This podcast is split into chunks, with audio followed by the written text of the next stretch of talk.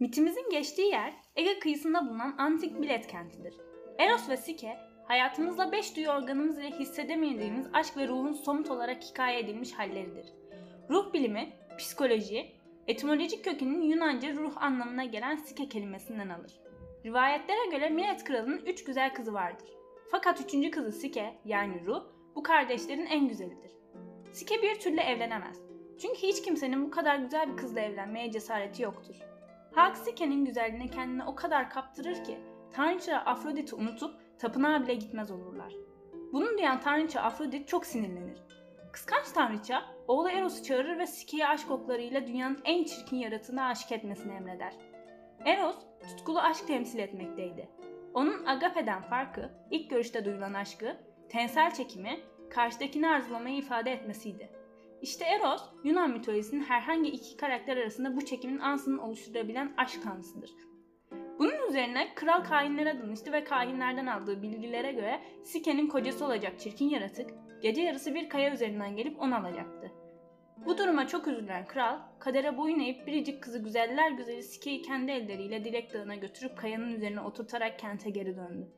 Ne var ki Eros'un oku bu sefer de kendi yüreğini isabet etti ve Eros Sike'ye aşık oldu. Meltem tanrısının da yardımıyla gecenin sessizliğinden esen rüzgarla birlikte kızı alıp saraya götürdü. Eros kimliğini Sike'den sakladı ve ona yüzünü asla göstermedi. Bu yüzden birlikte oldukları oda her zaman karanlıktı. Birbirlerini çok seviyorlardı. Eros'un tek isteği onu böyle kabul etmesi, aşkıyla yetinmesi, kim olduğunu bilmeyi ve görmeyi istememesiydi. Gündüzleri yalnız, geceleri ise kocasıyla geçinen Sike'nin aklına ailesi gelmeye başladı. İnsanlar Sike'nin canavar tarafından yok edildiğini düşündüler. Sike bir gece sevgilisine onun iyi olduğunu görüp üzülmemeleri için ailesiyle görüşmek istediğini söyledi. Eros bu isteği kabul etti. Ailesi onu görünce çok sevindi. Kardeşleri yaşıyor olmasının sevincini çabucak unutup kıskançlık içinde sarayı gezdiler. Görkem'in karşısında küçük dillerini yuttukları sarayda Sike'nin kocasını görmesi gerektiğini, eğer canavarsa ve bir çocuğu olursa onun da canavar olacağını söyleyerek içine kurt düşürdüler. Sike'nin içine bir şüphe kapladı. Ne yapıp ne edip sevgilisini bıraktı. Sevgilisi uykuya dalınca Sike yataktan kalkıp kandili eline aldı ve elinde kandille yatağa yaklaşıp biricik eşinin yüzüne baktı. Baktığında Eros'un güzelliğinden dili tutuldu. Karşısında kanatlarını serip yatan kocası dünyanın en güzel erkeğiydi. Gözlerinin önünde çirkin bir yılanı değil de dünyanın en yakışıklı gencini görünce öylesine büyülendi ki aşkın verdiği dalgınlıkla elindeki kandilinden birkaç damla yağı Eros'un üzerine damlattı. Büyük bir acıyla gözlerini açan Eros, aldatılmış duygusu ve hayal kırıklığı içinde uyandı. Karşısında gördüğü karısının karısına kızıp sarayı terk etti ve tüm saray bir anda yok oldu. Sike bunun üzerine kaybettiği aşkın dünyanın dört bucağında çaresizce aradı.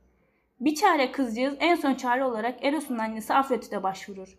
Zavallı kızcağız yardım için Tanrıça'ya yalvarır. Kızı acıyan Afrodit, kızı sınamak için bir dizi gerçekleştirilmesi oldukça zor görevler verir. Bu görevlerin arasında yerin yedi kat dibinden ölüler ülkesine inmek gibi oldukça tehlikeli görevler vardır. Son görevinde Sike, Persephone'nin kutusunu alıp dönerken kutuyu açar. Kutuda derin bir uyku vardır ve Sike uykuya dalar. Eros bunu görür ve çok korkar. Ya ölüm uykusuna dalarsa kucaklayıp sarayına getirir, uykusundan uyanmayan Sike için yardım diler. Sike'ye ölümsüzlük şerbeti yani ambrosia içirilir. Sonsuza dek yaşarlar. Bu mitimizin özü ise hayatın bir yola çıkan herkese ulaşması gereken yere götürdüğüdür.